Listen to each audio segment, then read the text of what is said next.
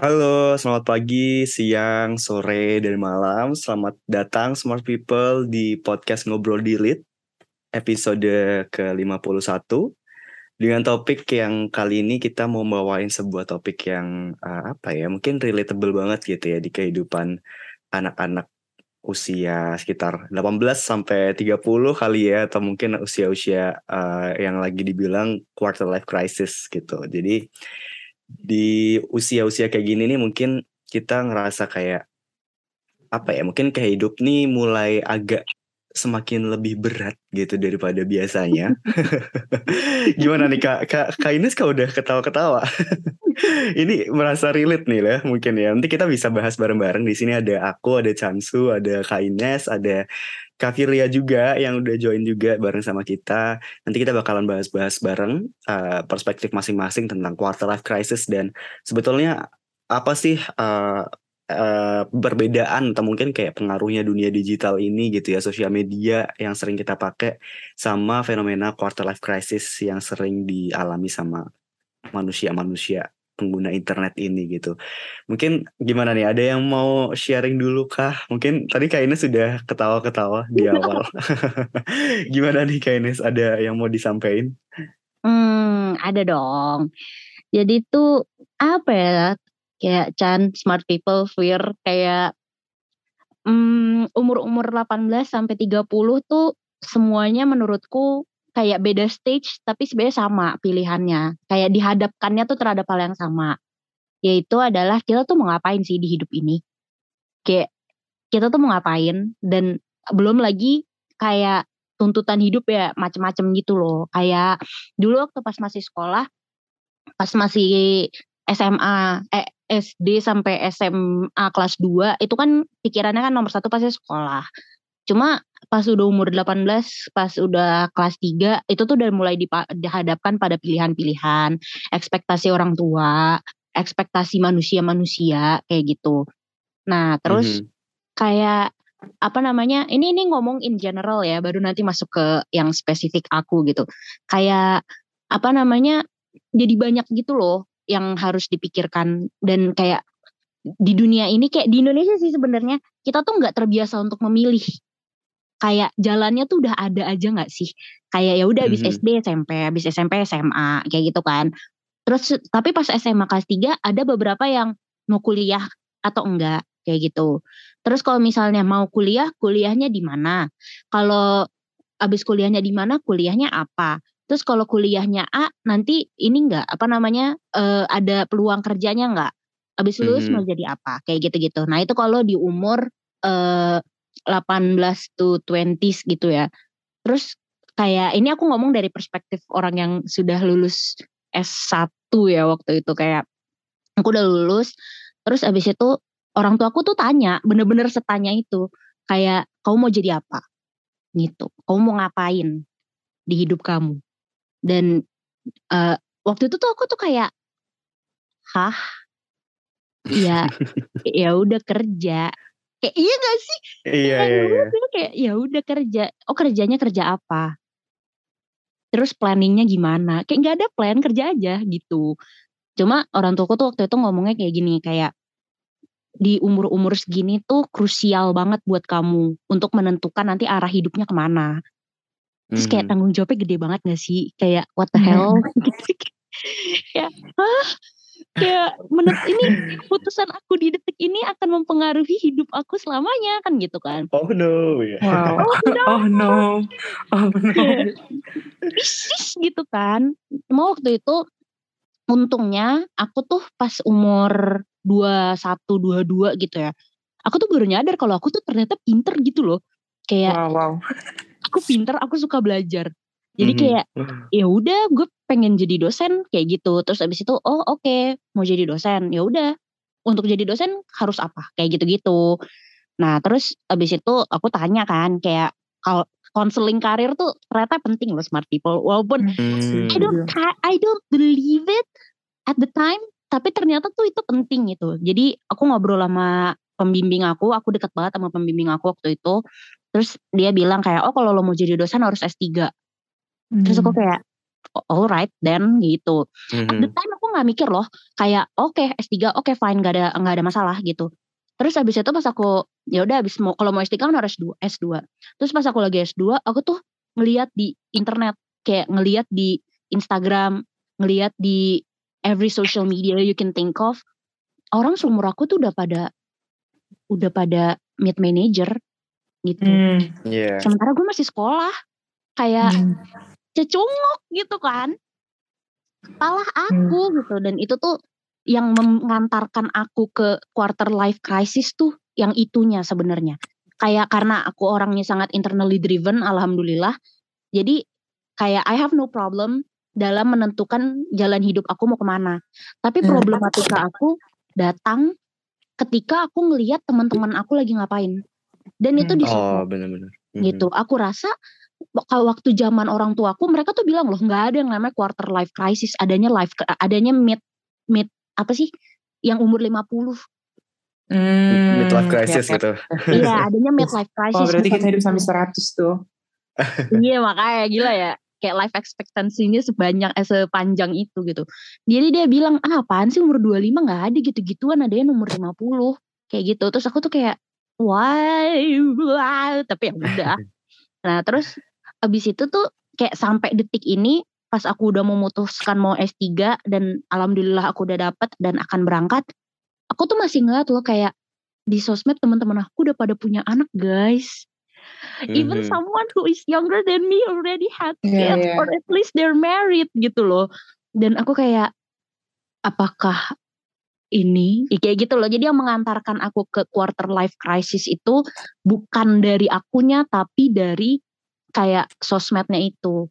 Makanya menurut aku topik yang dipilih oleh Chansu ini tuh bener-bener kayak near and dear to my heart loh smart people kayak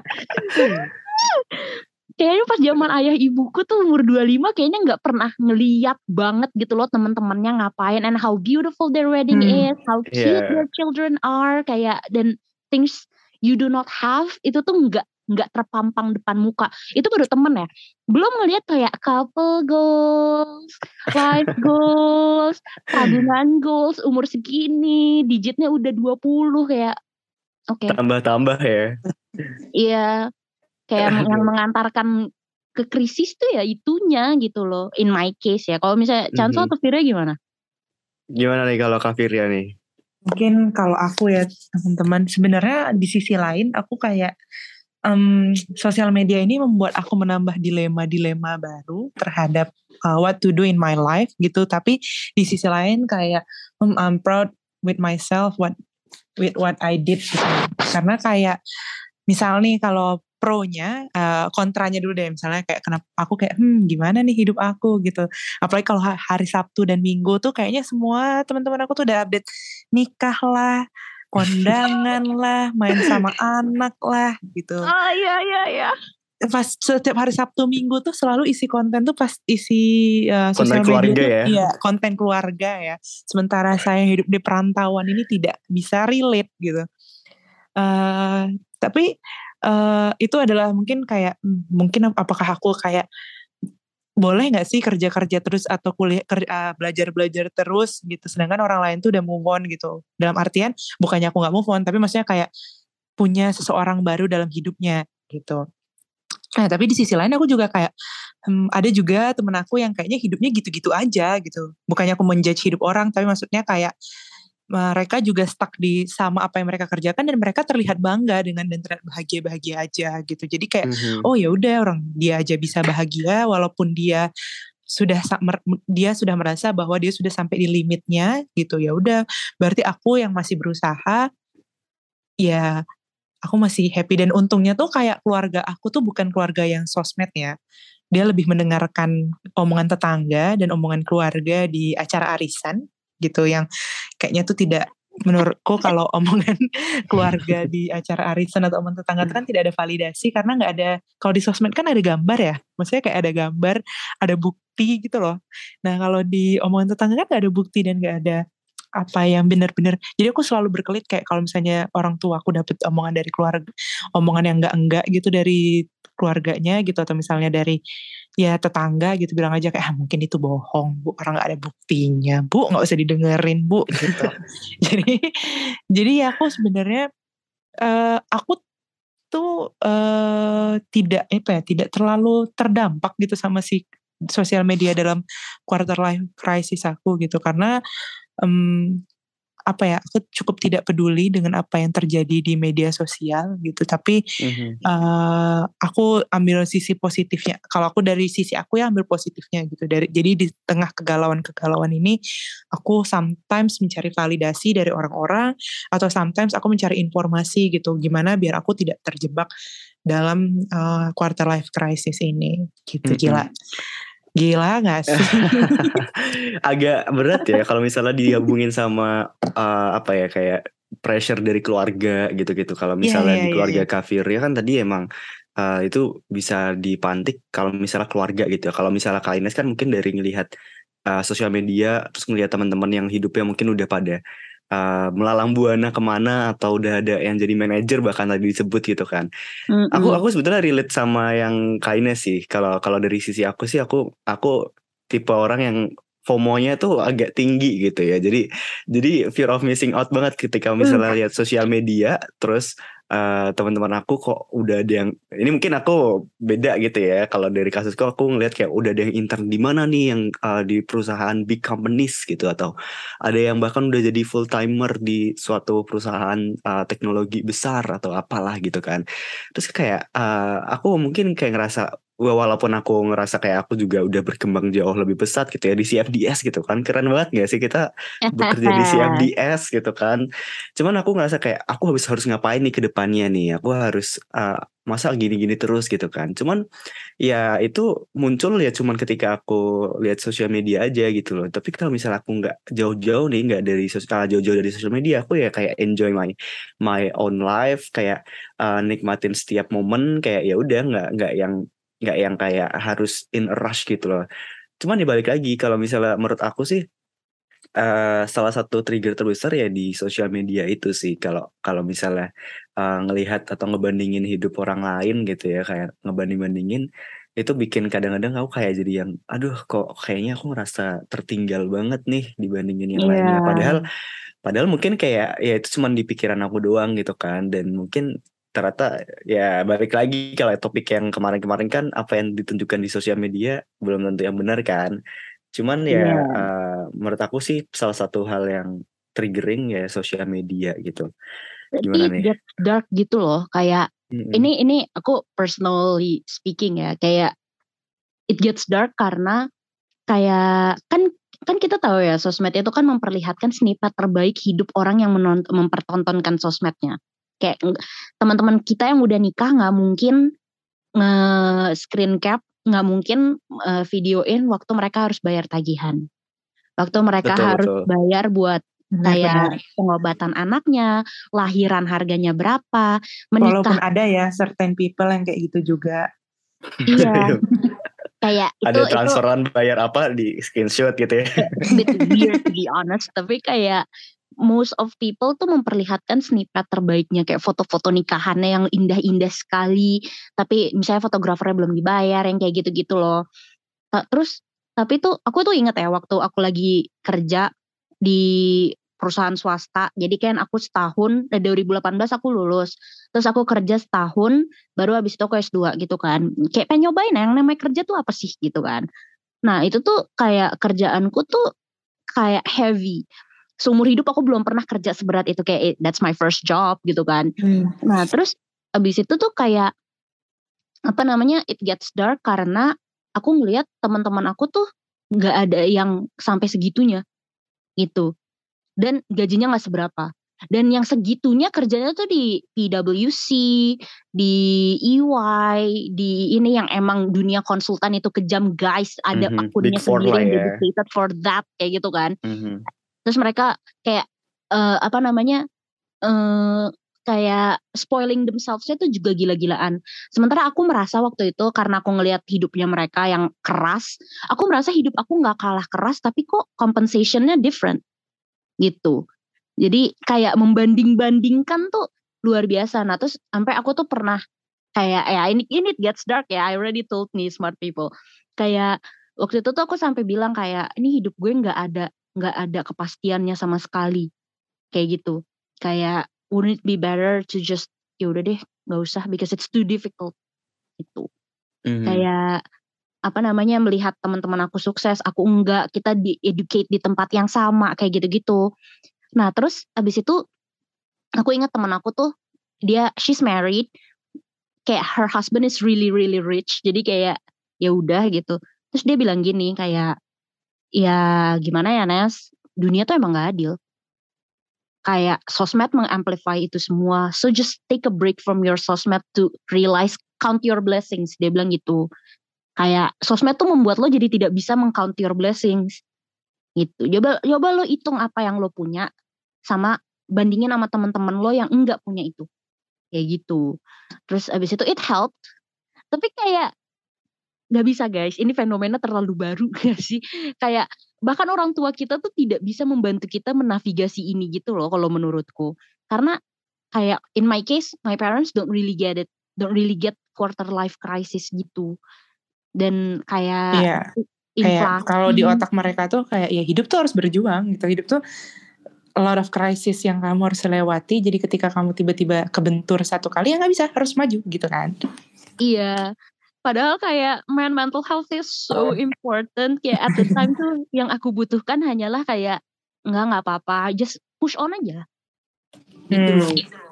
Kayak tidak perlu dikritik, aku perlu di udah di- udah nggak apa-apa push through aja gitu loh. Iya, iya, iya. Nah, mungkin aku ya pasti aku nggak mungkin ya 100% tidak apa ya, tidak terpengaruh gitu dengan ya sama juga kayak eh, Ines gitu, tidak terpengaruh dengan teman yang aku rasa kayaknya hidupnya dulu misalnya kayak mulai membandingkan hidup orang gitu, mulai membandingkan kayak menjudge orang misalnya kayak kayak dulu dia kuliah biasa aja kok tiba-tiba sekarang udah jadi ini sih gitu kan. Nah, Paham, terus atau paham, paham. atau misalnya kayak hmm, kayaknya dulu gini enak banget nih sekarang udah punya laki kaya atau istri kaya yang kayak dia tinggal ini ya pasti ada gitu tapi aku dan nggak tidak mem- tidak apa ya tidak menutup kemungkinan dalam hari-hari aku pasti aku bilang "Hmm, kayaknya enak nih nikah sama orang kaya berhenti bekerja gitu-gitu atau misalnya kayak hmm, enak nih kayak nikah selesai Sebuah dia masa alternatif ya. Iya kan? Atau misalnya kayak eh, ah ya pokoknya kayak ingin hidup seperti atau misalnya kayak "Hmm, pengen deh daftar di Rans in Entertainment gitu misalnya kayak orang-orangnya kalau lihat di update-annya seru banget dapat uang gitu dari eh, Raffi Ahmad banyak gitu kan. Tapi ya at the same time juga kayak eh, apa ya yang bisa menyadarkan diri sen- ya menyadarkan atau menguatkan diri itu ya kita sendiri gitu loh. Kayak kalau kita Iya, betul. minta tolong ke orang juga ya mereka juga pasti uh, seminimal minimal pasti akan ada saran gitu loh. Padahal kan yang kayak Ines bilang gitu, kita tuh cuman pengen ya udah didengar aja gitu. Kadang tuh ini tuh cuman sekedar apa ya pengen pengen renting aja gitu. Tapi kan ada Hmm. pasti seminimal minimal kita cerita sama orang tuh kayak ya gitu pasti ke Ines misalnya cerita sama temannya tadi. Terus temennya Ines bilang yaudah Nes kan semua orang punya fasenya masing-masing gini gini gini gini dan apa ya ya itu jadi menurutku malah kayak "Hmm, ya udahlah memang yang mau fight kita sendiri yang tidak mau agar bisa apa ya tidak terlalu toksik dengan sosial media Mhm. atau nontonin orang ya kita sendiri gitu membatasi kalau aku sih sekarang kayak kalau misalnya ngelihat orang-orang yang sukses ya udah either aku skip gitu kayak "Emang alhamdulillah dia sukses gitu atau kayak Mending di skip aja ya. Iya, atau tapi kalau aku kalau orang sukses apa ya? Aku bener, aku malah aku malah senang gitu. Misalnya nih aku punya teman sukses dan aku masih kontakkan di di, so- di sosial media, aku malah Oh, senang kayak hmm, mungkin aku orangnya ini ya, apa namanya? eh oportunis gitu ya kali jadi jadi kayak kalau aku punya kontak maksudnya kayak aku ngeliat teman aku sukses aku malah seneng gitu kayak Aku jadi temannya orang sukses gitu ya. Iya, aku menjadi teman orang sukses dan maybe one day I, I will seek uh, help from ya him gitu atau her gitu. Makanya aku bisa meminta tolong lah one day gitu mungkin gitu. Mhm. Tapi ya yang biasa aku skip tuh keluarga sih kayak kayak misalnya Kenapa tuh? kondangan gitu kayak main sama anak gitu kayak ah udah aku skip aja gitu karena karena kayak itu sesuatu yang belum bisa aku pursue gitu ngerti gak sih kalau misalnya Iya. kayak sukses kita punya standar sukses masing-masing gitu Oh, kayak bener curhat bener, bener, bener. curhat ya guys gitu tapi kalau misalnya apa-apa, kayak gak apa-apa.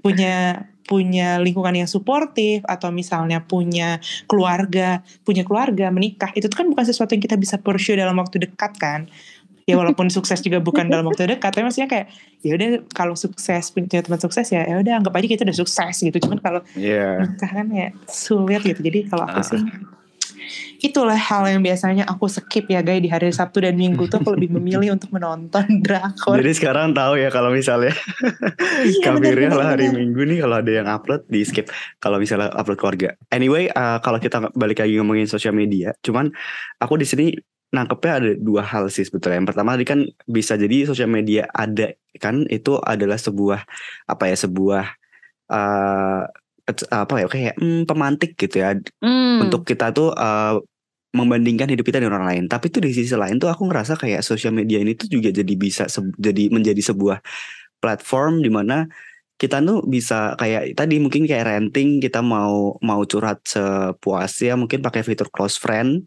untuk Hmm. mencari mencari apa ya kayak mencari validasi mencari eh, teman sepenanggungan gitu kan karena aku nih kalau dari eh, se pengalaman aku se dari perspektif aku sih aku dulu jujur aku tipe orang yang kayak suka curhat gitu kadang-kadang kalau di sosial media kadang kalau Hmm. di close friend gitu kan terus ada teman-teman deket aku Waduh.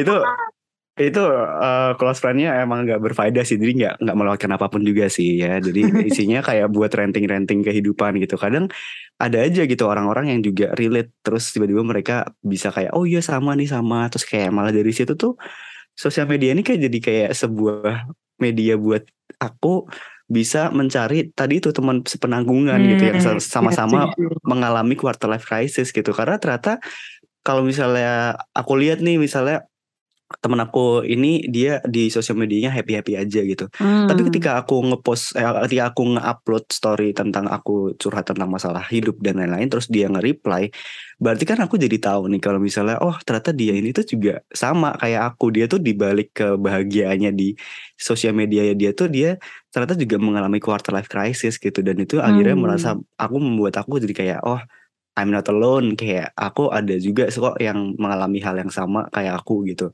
jadi menurut aku sosial media ini selain mem- memberikan pengaruh tadi itu ya meningkatkan kecemasan anxiety gitu kan tentang hidup tapi itu juga jadi salah satu uh, platform buat kita bisa curhat gitu kalau misalnya butuh dan Hmm. memang kita mau curhat gitu ya.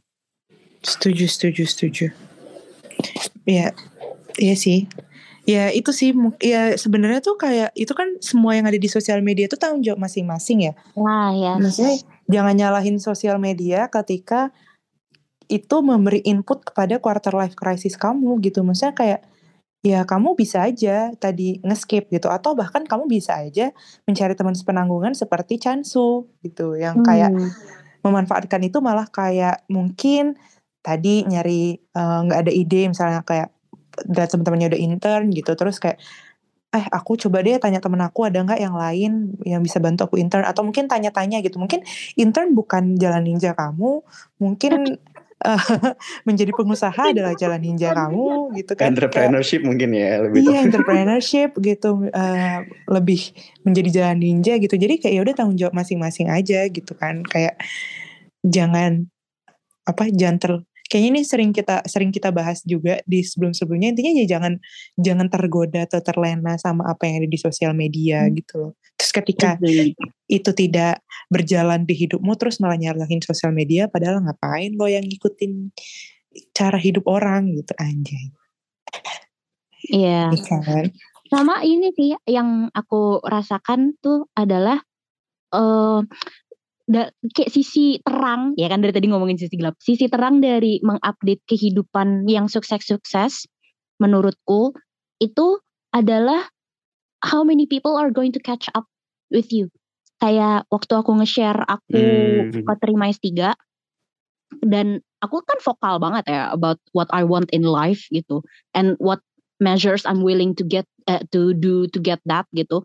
Jadi waktu aku ngepost aku keterima S3, itu tuh teman-temanku yang kayak it's not even friends like acquaintances yang kayak dulu seangkatan di SD kayak jauh gitu kan. Itu tiba-tiba ngechat terus bilang kayak Ines gue bangga banget sama lo kayak gue gue nontonin kayak perjuangan lo bla bla bla bla bla. Terus aku tuh kayak wow. And then we talked. Kayak iya gue juga ngeliat kok lo udah punya anak ya sekarang cantik deh anak lo gitu loh jadi kayak reconnecting gets easier dengan seperti Mhm. itu gitu. Dan in my age, kayak grandma. But in my age kayak kan lagi mendapatkan tantangan hidup. Nah ini salah satu bagian dari quarter life crisis juga sih. Pada saat teman-teman kita tuh mulai sibuk dengan hidupnya masing-masing and drifts away kayak gitu kan. Dan itu tuh kayak for some of my friends melihat teman-temannya bahagia dengan teman-teman lain di sosmed tuh agak sedih because you're not there anymore.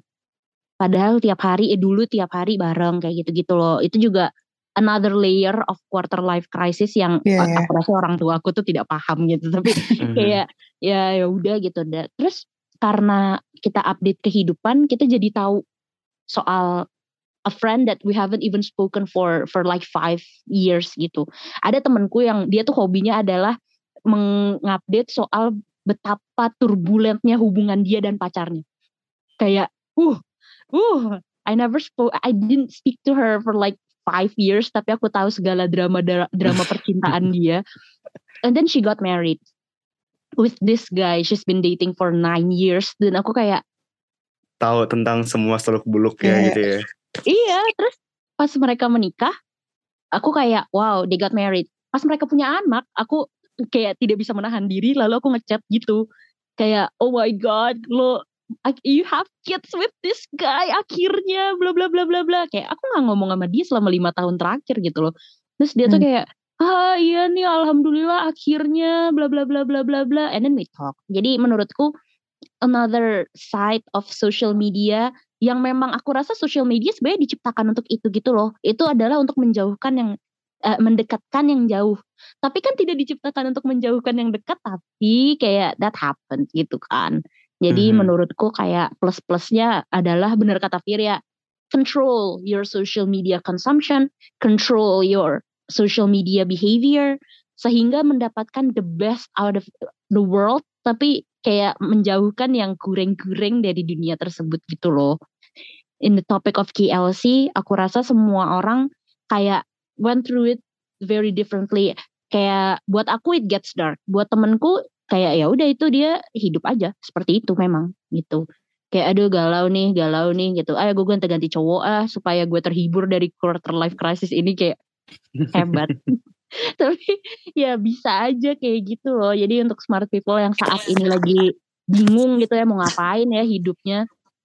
Kayak ya you're not alone. We're here with Iya. you. Aku, Chansu, Firya, kayak aku yakin Karim dan Mas Adat yang lagi tidak bisa bergabung juga merasakan hal itu gitu. Betul. Betul. Mungkin Setuju. mungkin kayak sebagai orang-orang yang udah jauh melangkah melewati fase quarter life crisis, kira-kira ada tips and trick nggak? Ini jadi webinar menghadapi quarter life. Navigating your life, soft skill. Hmm, apa ya Fir? Kalau aku sih ini ya sebenarnya sebenarnya nggak way ya way terjauh apa terlampau jauh juga ya. Aku masih ya 26 lah gitu. ya belum- masih masuk lah ya. Iya mungkin malah itu menjadi midlife crisis Bener, we don't bener, know bener. ya. Tapi kayak em, kalau dari aku sih ya kayak yang aku bilang gitu. Sebenarnya kita tuh eh, akan mengalami krisis tuh ya every phase in our life gitu kayak pasti Betul. akan ada fase di mana kita mengalami krisis gitu. Ya mungkin kenapa umur 21 sampai 25 itu dianggap quarter life crisis karena kayak tadi yang kayak Ines bilang juga kita tuh udah ditentukan dari awal SD, SMP, SMA, kuliah gitu. Terus akhirnya setelah itu ya udah kamu menjalani hari-hari kamu tidak apa ya sesuai sesuai keinginan kamu gitu. Karena tanggung jawab biasanya rata-rata kan tanggung jawab kepada orang tua adalah membawa gelar sarjana gitu. Terus Iya. umur-umur 21 sampai 25 itu loh itu tuh adalah umur-umur ketika kamu sudah menyelesaikan eh, tanggung jawab tersebut gitu. Terus kayak karena kamu sudah terbiasa ada dikte apa ya di- terdikte gitu kamu ngapain aja terus kamu selesai itu sih yang bikin krisis gitu karena kamu tidak tahu what to do gitu jadi bukan karena umurnya jadi kayak merasa atau menanti menantikan ham sebentar lagi aku 25 nih jangan ntar lagi aku quarter life crisis gitu gitu Mhm. tapi adalah uh, ketika kamu akan mengalami itu. Nah mungkin sebelum kamu mengalami momen itu, sebelum kamu mengalami 21 sampai ya mungkin lulus kuliah lah gitu ya kalau kita be exact gitu, lulus kuliah ya sebelum kamu itu kamu tentukan gitu loh karena empat tahun kuliah itu tuh kamu punya waktu yang cukup banyak gitu untuk Betul. menentukan kira-kira habis ini kamu mau ngapain gitu. Ya that's okay kalau kamu masih pengen happy-happy atau ini terus ya jangan salahkan ketika kamu happy-happy, kamu take a break sekitar 2 tahun dari kamu lulus kuliah, terus teman kamu dapat intern, dapat kerja jadi CEO atau apa jadi Mhm. apa, ya kamu jangan komplain terus kamu jangan nyalahin orang, terus kamu jangan uh, kayak Nyalahin kayak aku gitu. media. Iya, menghindari sosial media karena merasa kayak Ih, orang-orang kok bisa sukses gitu. Ya jangan nyalahin orang gitu. Ya udah jadi sebelumnya ya preventifnya sebelum kamu menghadapi umur-umur sekian, eh umur-umur itu atau misalnya se- sebelum kamu lulus kuliah kamu tentukan apa yang mau kamu kerjakan gitu dan gunakanlah sosial media itu sebaik mungkin gitu. Gunakan Hmm. itu untuk misalnya cari informasi gitu atau misalnya kayak validasi atau malah malah share-share gitu kayak oh aku ada trouble ini nih mungkin ada aja teman kamu yang ngechat ngebantu gitu atau mungkin ada aja teman kamu yang punya pengalaman sama yang kayak kamu gitu. Ya, I agree. Kayak sebagai manusia, iya. Kayak aku adalah manusia yang termasuk yang kayak tadi Virya bilang, aku menentukan hidup aku tuh pas aku lagi kuliah. Kayak momennya tuh nggak nggak life changing loh, smart people. Kayak don't get it wrong, kayak apa namanya mendapatkan wahyu mau hidup ke mana tuh nggak kayak life changing revelation tuh nggak. Jadi kalau mau buat sharing ya kayak mungkin smart people yang ingin menjadi akademisi nanti bisa agak relate dikit banget. Jadi ceritanya tuh aku lagi bikin skripsi aku lagi minum Red Bull dan Hemaviton dicampur dalam teh es teh manis yang ada di kantin-kantin gitu ya Wow, Terus serem kayak- juga ya kak. Serem juga sih.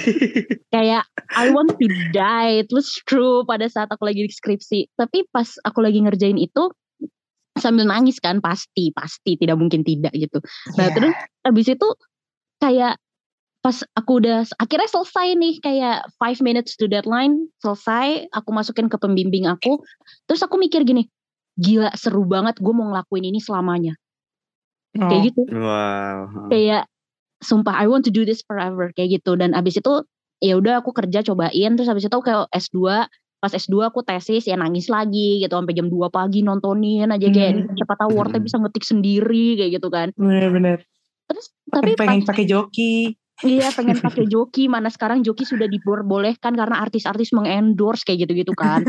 Kayak ini terus abis itu aku nulis kayak sambil nangis-nangis lagi apa segala macem. Terus pas udah kelar aku mikir gila masih seru gue mau ngelakuin ini selamanya. Kayak gitu. Aku sih berharap nanti pas aku lagi nulis disertasi kayak gitu juga ya. Jadi kayak itu tuh gak life changing sama sekali malah didapatkannya di momen terburuk hidup aku gitu loh. Alhamdulillah sekarang aku udah gak red bull red bulan lagi guys. Kayak itu not good for your health jangan di jangan ditiru gitu. Tapi menurutku kayak dengan aku menentukan aku mau ngapain di hidup aku walaupun ini kan abstrak picture banget ya pengen jadi prof. Kayak untuk jadi prof tuh nggak nggak nggak se Iya, jalannya nggak lurus nggak sirotol mustaqim gitu loh Mhm. Tapi- nggak bisa beli ya, nggak bisa beli. nggak bisa beli kayak nggak bisa ya udah you have to work for it gitu dan you have to know what you have to work for gitu loh jadi Hmm, kayak setuju.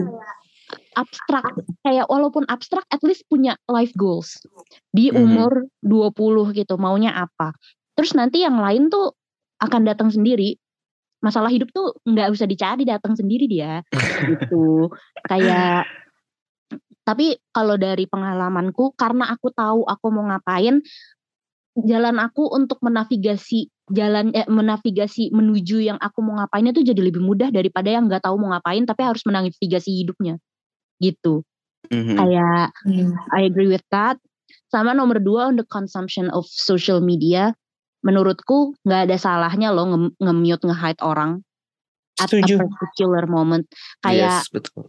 aku ngelihat temenku ya dia tuh pinter banget guys. Emang pinter banget dan ambisius. Wah gila ada energinya nggak pernah habis. Walaupun ya dia orangnya kayak apa namanya ya emang brilian dari sananya aja gitu loh. Terus habis itu Hmm. kayak karirnya melejitnya cepet banget. Kayak Hmm. cepet banget. Dan dia disayang sama semua orang di kantornya. Dan kerjaan dia luar biasa. Kayak she's involved with several national wide project yang kayak jir keren banget gitu loh terus karena pada detik itu aku tidak mampu melihat uh, progres karir dia yang begitu cepat dan aku yang masih begini-begini aja jadi aku aku Mute ya? waktu itu iya aku mute aja aku aku Iya. mute semua post dan semua storynya dia sampai di detik aku merasa lebih secure with myself kayak lebih secure kayak oh oke oke gue juga udah make progress nih kayak gue Mhm. ready dia untuk melihat progresnya dia gitu pas aku ngeliat progresnya dia ya dia udah makin tinggi aja gitu loh Hmm. cuma kayak at the time karena aku sudah merasa lebih secure dengan hidup aku sendiri aku ngelihat dia kayak wow aku cuma nge-mute dia for like a few months and she's already there that's cool Hmm. but I'm progressing too gitu jadi yang Hmm. namanya mute hide eh, kayak kalau blok kayaknya jangan sih lebih Berlebihan ya. berlebihan gitu cuma tapi kalau misalnya you don't want to see another person's life for a few moments ya nggak apa-apa juga. Nggak usah menghindari sosmed juga. Karena kalau dapat enjoymentnya dari sosmed ya why not gitu? Just hide the things you don't want to see gitu.